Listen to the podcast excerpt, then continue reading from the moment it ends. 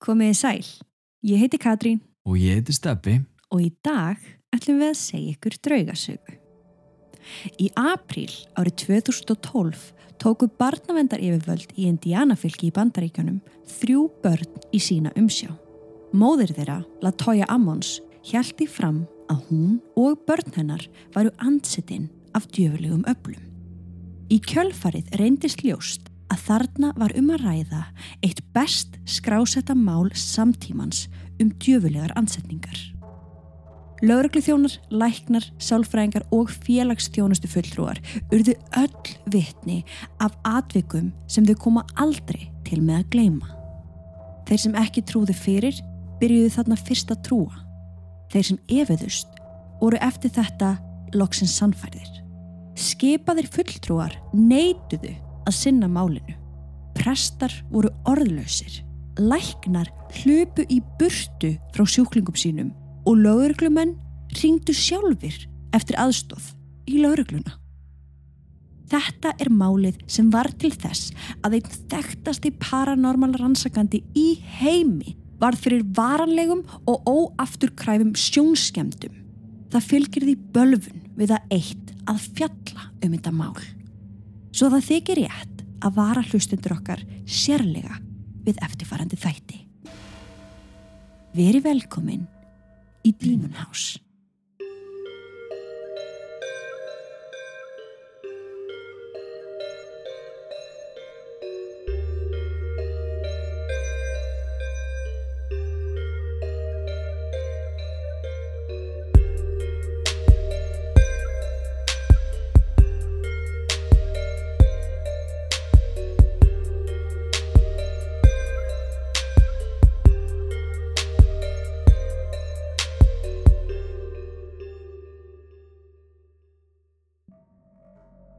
Við viljum minna á að draugasöðunar okkar eru ekki við hæfi barna yngri en 13 ára nema með leifi fullorna. Og með því hefjum við sögu dagsins.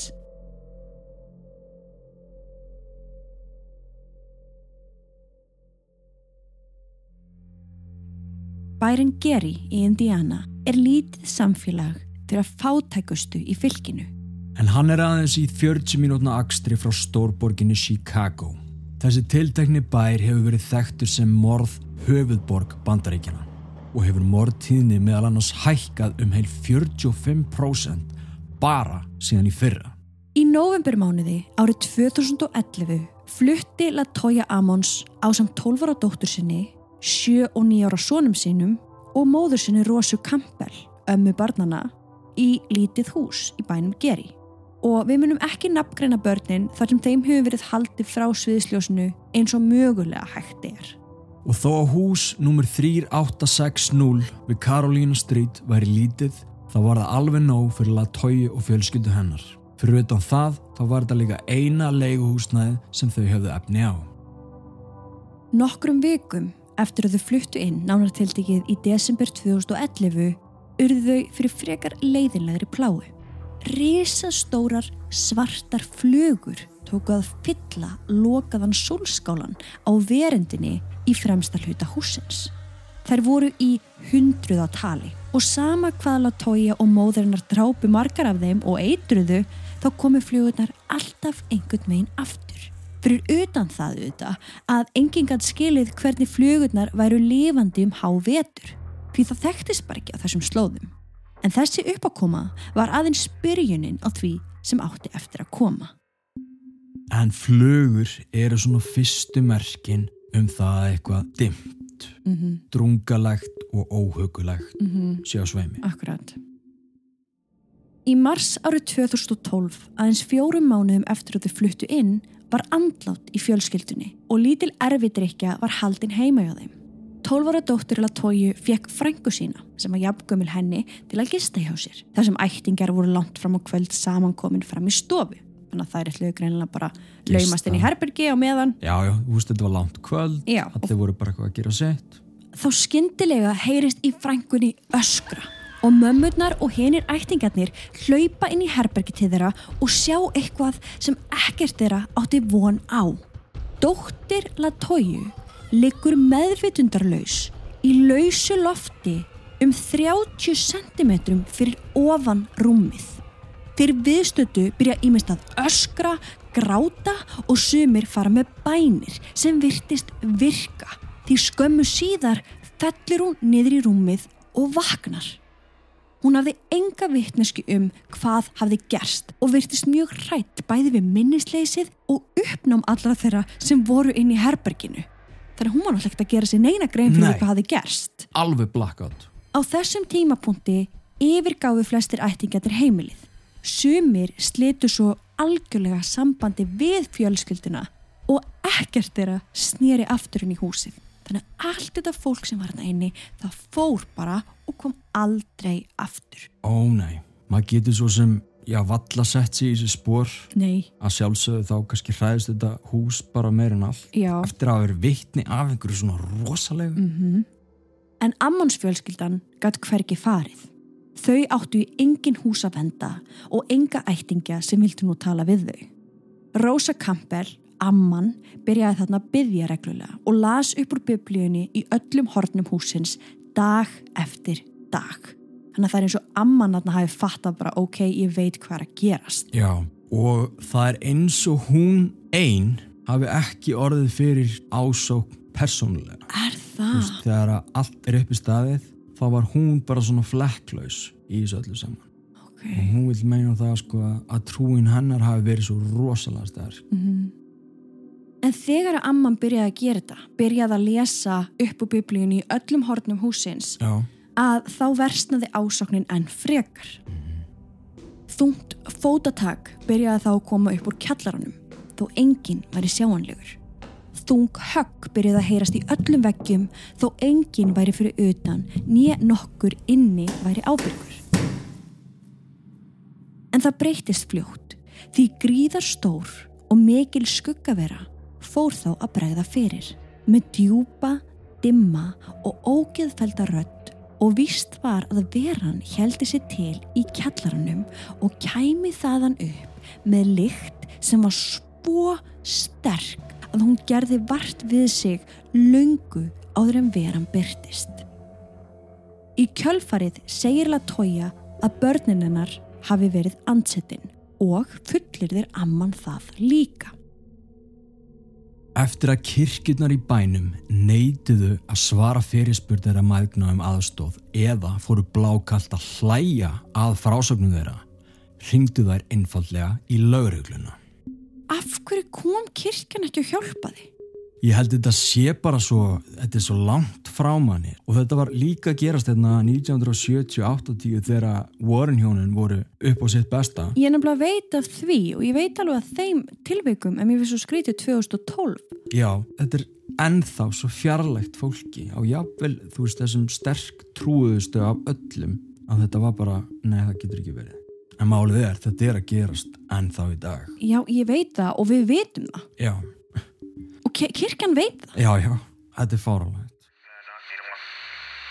Lauruglustjóri í Gary Police, Charles Austin, svaraði sjálfur útkallinu á samt tveim öðrum lauruglufulltrúum. Eftir 35 ára starf hafði Charles sannlega séð allt sem hægt var að sjá í starfi sínu. En draugar og eitthvað yfirnáttúrulegt var þó ekki eitt af því. Og var að því ekki alveg að kaupa þessar yfirlýsingar um ansetningar eða þess áttar þegar hann mætti á svæðið ásamt fulltrúum sínum. En aðspurður segist hann hafa séð hluti þarna inni sem voru svo ógæðslegir að hann fær ennþá martraðir af því núna nýju árum setna. Og hann talar einmitt líka um að hafa séð einhvern svona undarlegan ólíukendan vögva leka niður rimlagardinnar í stofunni sem ekki nokkur eðlileg skýring var á og ég man eftir þessu, ég man að það voru Já, allir að aðtuga bara hvaðan kemur þessi vögvi og enginn fann skýringu. Nei, það var engin eðlileg skýring á þessu og þetta var alveg þykkur vökvi, þetta var bara ólja. Þeir tóku líka ljósmyndir þar sem greinilega mátti sjá einhvern standa í fremsta hluta húsins og líka eitthvað undir steganum sem lánir í kjallara. Já. Charles hafði verið með upptökutæki för með sér. Við höfum séð þetta í, í hérna bíómyndum og svona. Það sem hann er að lýsa vettvanginum og aðkomu og þegar hann og félagi hans er í kjallaranum þá ná þeir EVP-rödd segja á upptökutækið Hei! Hægt er að lesa brot úr upprunalegu laurugluskíslinu sem við látum fylgja með þættinum og myndirnar sem umræðir. Og ég ætla að sína þér hérna eina mynd sem að er tekin þá framan á húsið af lauruglunni. já, en það, við fundum bara eina myndir það ekki. Jú, en ég hef séð hérna, ég ætla bara, við látum hann að fylgja með. Ok, ok, En flettu hérna til hægri svo. ok, ok, mæta. Já, já, ég þurfti ekkert að flétta til hægri, sko. Nei, nei, Það er bara manneskja í glugganum það er bara manneskja. Og þetta er mynd sem að laugreglan tekur. og þetta er einhver svona ótrúlega grannur aðili, uh, hvítur, mögulega með eitthvað svart á höfðinu. Já, Annars pínlítið bara svolítið eins og beinagrund. já, einmitt, svolítið þannig. Bara ógeðslegt. Og Charles, svo svo lauruglustjórin, hann minnist þess að þegar hann var á heimleið eftir þetta örlaðaríka útkall, þá hafi bílskúrs hörðin hans ekki opnast þegar hann kom heim, en hún hafi aldrei bilað áður. Ok. Og sko, yfirnáttúrlegt eða ekki, þá fannst honum þetta samt mjög undarlegt. Og einni því að bílstjórasætið á þessum Infinity jeppa sem hann var á, færðist sjálfkrafa fram og tilbaka alla leiðina heim. Á meðan hann satt bara á í. meðan hann satt Ok, og þegar hann fór með bílinn á vestæði var hann sagt að litlu hefði munað því að bílstjórasætið var einhvern veginn alveg laust og hefði getað brotna hvena sem er og orsaka bara hræðilegt bílslis Þannig að- þetta held ég ekkit eitthvað Nei, nei, þetta minnir mig bara á Ed og Lorraine Warren þegar þeir voru að koma frá staðið að á staðið og bara. bílinn var alltaf að bíla einmitt alltaf einhver vandræði. Já. Eftir þetta leituðu Latoya og mamminar allra ráða sem þær gátu. Því ef lauruglan hafði engin svör, kirkjan neitað að svara þeim og nánustu ættingjar þorði ekki að tala við þau, fóru þær til lækna, geðlækna og fengu aðstof miðla. Tveir miðlar sem ekki þekktu til þeirra fyrir heimsóknina sögðu þeim að hlið að annari vitt væri staðsett undir steganum, það sem hlustundur okkar þekka sem portal. mm Heimilið væri vegna þessa tróðið af hvorki meira en í minna en 200 djöfulegum verum. Já ég veit ekki hvað skal segja en veistu ég get alveg trúa því það hljómar fáranlega Drosalega margar. rosalega mikill fjöldi en bara svo að segja á hreinu þá eru þau að tala um djöfulega verur þau eru ekki að tala um djöfla Já. og djöfulega verur skipta að minnstakosti fjórum miljónum talsins Já. skrásettar Mm. já, þetta þetta er erfitt að trúa þessu en, Já, já, samt ekki. en samt ekki sko Miðlarnir sannfærðu maðgurnar um að setja upp lítið alltari undir kjallarasteganum með kertum, styttu af Maríu mei, Jósef og Jésúbarninu og fleira. Bera óljur á fætur barnana og á hvern einasta gluggahúsins ættu þær að tákna kross með vígðu vatni og vígðri ólju. Ok, þannig eru þær allavega búin að fá eitthvað svona, hérna er eitthvað fyrir eitthvað til að gera. já, eitthvað smá svona að Þetta er lítið, þetta er rosalega lítið, en, en gerir það. mm og örgulega bara svolítið svona tuska í andlitið bara, já, það er samt portal hérna heima hjá okkur og, og svo bara 200 djöfulega. Já. Þa, það er ekki að fara að hjálpa mikið í sannleika sagt að nota víkt vatn á glugga nei, og alltari þegar þú ert með portal og 200 djöfulega verur inn á heimilinu nú þegar. nei Það þarf að koma þeim út einmitt, og það kemur kannski ekki óvart endilega en eftir þessa heimsókn og eftir að þær byrja að gera þetta allt saman þá náði ásóknin nýjum hæðum. akkurat. Drenginni tveir, 7 og 9 ára byrjuð að sko kvolfa augunum, eða svona ránkvolfa augunum þannig að augsteinarnir væru ekki lengur sjáanleir og þannig voru þeir tímanum saman. Þannig að auga þeirra rúlaði rauninni bara upp já, undir auglokið, maður getur kannski gert þetta í svona tvær sekundur, já ekki einu sinni alveg sko. ekki einu sinni það og þarna voru þeir bara þannig bara í marga klukkutíma, bara fastir milli þess að rattir þeirra dýpkuðu skyndilega og þá byrjuðu þeir að tala um dauðan, morð og reyttu út úr sér alls konar blótsyrðum. Latoya sá þess vegna ekkert annað í stöðinni en að leita til lækna. Dr. Jeffrey, barnalæknir, tók á móti fjölskyldinu og haftir eftir honum. Á mínum 20 ára ferli hef ég hvorki séð nýja heyrt nokkuð í líkingu við þetta. Ég varð sjálfur mjög hrættur. Þetta eru hans orð. Þetta eru hans orð, orðrétt. Hann óskaði eftir aðkomu annars læknis og ásamt honum og hjúgrunafræðingi urðu þau öll vitni af því þegar að augudrengjana tútnuðu út og þeir fóru að tala með djúpum og dimmum röddum á alls konar tungumálum. Þar til eldri drengnum var svo kastað í veggin af algjörlega ósynlegu afli. Ég bara veit ekki hvernig er að vera viðstættir svona. En það sem að stiður þetta mál er að það eru svo mörg, mörg vitni. Mm -hmm.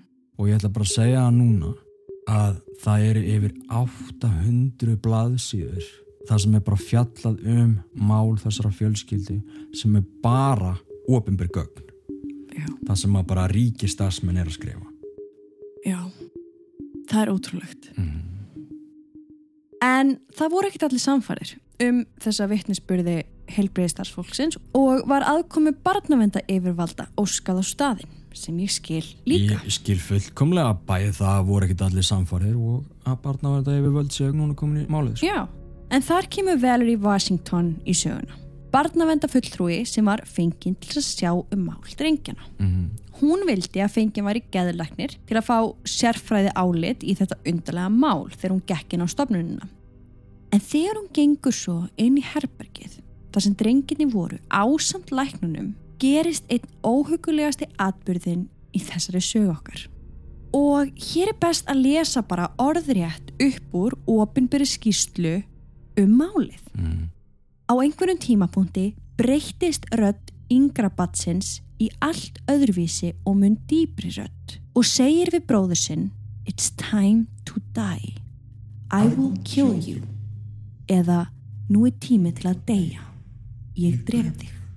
Barni var þá svo ábeldisfullt og gekk aftur og bakk upp veggin líkt og hann vera að ganga á gólfinu þar til hann stökk yfir ömmu sína. Vittni af atvikinu voru Valgir hjúgrunafræðingur, geðlagnir og undirrituð fulltrúi Washington. Þetta staðfesti svo hjúgrunafræðingurinn sem var inn í herberginu þegar atvikið átti sér stað og sagði Hann gekk upp veggin, lendi hinum eigin og stóð þar. Það er engin leið að hann hefði getað gert þetta. og það er gott að undirstryka þá endurtaka að hér er um að ræða opinberar skýslur ríkistofnana og heilbreyðir starfsmanna. Mér langar líka aðeins til þess að útskýra betur að þetta er smá óskýrt. Já, Uh, hann sem sagt stendur á gólfinu drengurinn já, svo byrjar hann bara að labba hann tekur eitt skrif aftur á bak og annars skrif aftur á bak og við venjulega sem Mhm. myndum klessa og vekk við myndum stoppa, þú veist hælaður okkar myndum stoppa, já, við komumst ekki lengra þegar við erum með bakið af vegnum. já, en hann tekur bara skref upp. Já, upp veggin, já, þannig að hann í rauninni, gengur aftur og bak. ég meina eðlisfræðilega séð, Þetta er ekki hægt. þetta er ekki hægt. Veist, við getum sett ein, við getum sett eina löp á veggin, ekki meira. við getum gert það en þá byrjum við að halla aðeins. Já, já, þú veist, við byrjum svona aðeins að halla fram. Já, ef við myndum reyna að hoppa með hinarlöppuna á sama tíma, eins fárulegt það hljómar. Við myndum detta, við myndum detta í gólfið. Já, face flat. en hann tekur eitt skref, annars skref annars skref, annars skref og hann lappar upp veggin þannig að andlitið hans snýr niður Mm og hann er að lappa upp Já, og svo dettur hann niður, eða stekkur, já, og hann lendur jafnvætis fyrir framann ömmu sína. Já. Sem var sem sagt fyrir framann hann áður hann byrjaði að lappa upp veggi. já, já, já já, Þú, uh, þetta er ekki hægt. það er ekki hægt að útskrifta betur en þetta er mjög ógulegt Já, það er sláandi hversu mörgu vittni voru að þessu líka. mhm Af því það er alls ekki oft. Þegar hinga var komið var fjölskyldinni loks bent á mann sem mögulega geti hjálpað þeim. Fadir Mike McGinot í St. Stephen kirkjunni í Merville fekk símtal frá Latoyu og tveimur dögum síðar var hann mættur í húsið við Caroline Street. Hann var þar í fjórar klukkustundir frá klukkan hálf sjö til hálf ellefu. Fadir Mike bað með fjölskyldinni og yfir börnunum. Það sem satt mest í honum eftir þessa heimsókn var að baðherbygisljósið blikkaði linnulaust á meðan hann var í húsinu en í hvert skipti sem hann gekk náttúrulega inn þá hætti það. Bara verið að gera grín. Já, já, mjög undalegt það var að fyrsta sem ég hugsaði bara, þetta er bara joke skilja, við erum bara að pyrra þig. Bara að gera grín að þessu alls svona mm Á næstu missurum eftir þetta framkvæmdi Father Mike alls fjórar fullar særingar á fjölskyldinni en aðeins ein þeirra var heimilið undir reglum frá Vatikaninu og svo fyrsta í síslunni í meirinn 21 ár. af hverju var bara ein heimilið? Það var eins og að það vantaði einhver fleiri gögn. Það er svo rosalega mikið mál að fá leifi fyrir særingu og biskupin hann vissi að hann væri byrjaður að framkoma særingar. Án þess að vera með leifi án þess að vera með leifi og hann svona gaf blessun sína yfir það bara svona, þú veist, undir borðið ef svo má segja. En í skýslum og ofinberlega þá var bara ein þeirra af þessum fjórum sem var bara svona skrifið út af Vatikaninu ég skil. En hann ætlaði ekki að býða eftir neinu sko. Nei, þessum það var einmitt þessum sem ég hugsaði að býtu Já. fjórar, hann lítur að hafa verið byrjaður áður en hann fekk leifi. Akkurat. Ein af þessum fjórum særingum var framkvæmt aðeins á móðurbarnana Latoyu Amons hinnar ímist á börnunum eða þeim öllum. Síðasta særingin fór fram í kirkju hans í St. Stevens og fór fram á latínu. Latoya fekk grampaköst þegar Father Mike laði kross við enni hennar og á einum tímapunkti brotnaði Kristur af krossinum sem presturinn held á.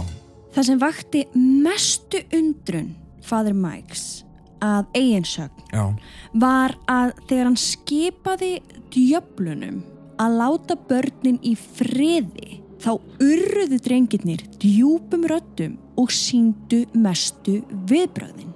En það var ekki nokkur leið að þeir kynnu latínu og skildu þar með á einhverjum tímabóti hvað hann væri að segja. mm, einmitt og finnst svo skrítið að þetta fannst hún svona merkilegast bara wow, þau eru actually bara handsetin eftir að hafa verið að, þú veist, hann er sjálfur bara wow, Já. amazed Eftir að börnin mættu lítið sem ekkert í skóla og auðvitað eftir heimsóknuna á sjúgráðum með öðrum ofinbjörnum fulltrúum þá ákveðu barnavenda yfirvöld í síslunni í april 2012 að taka Amonsbörnin þrjú í sína umsjá. og þetta er náttúrulega bara, þú veist eiginlega það leiðilegast af þessu öllu og það sorglegast af þessu öllu Akkur er að taka börnin af konun? Ég skil þetta samt að því ég Á, skil hversu ótrúlega skrítið þetta er fyrir einhvern sem að er utanakomandi mm en þessi kona er búin að gera allt til þess að bjarga börnunum sínum og nú er hún að missa þau og ekkert af þessu sem hún var að gera var vittlust, skilur einmitt. En á sama skapi þá hugsa ég kannski ef ég væri ekki akkurat að starfa við það sem ég starfa í dag ef ég myndi sjá einhverstað frétt hvar sem er í heiminum þú veist, já, þrjú börn voru tekin af konu þar sem hún taldi þau vera ansett af djöflinum maður myndi alveg bara svona, oh, thank god. Einmitt. gott já, að þau fóru eitthvað annað okkur góðan, þú veist, ég vona hún sé ekki búin að vera að reyna særingu og eitthvað, skilur að sjálfsögðu, er ég svo- skil þetta fullkomlega og þetta þú veist, að sjálfsögðu var þetta rétt en þetta er bara svo sorglegt. Þetta er svo, þetta er svo glata að komi að þessu. Já, En vegna þess að börnin voru ekki að sækja skóla þá saði Latoya Amons að það væri vegna þess að börnin væri ansettin á djöfulegum öflum sem að heldi vöku fyrir þeim allan nætur. Og það væri þess vegna sem þau væri að mæta illa í skóla. já, þetta er náttúrulega rosalega erfið útskýring. Já, þetta gengur ekki. og maður samt sko vill að þetta sé erfið útskýring af því þú vilt heldur ekki að þetta verði of mikið. Já, já, emmitt. fattar þau, þetta er eitthvað svona Þetta er svo erfitt.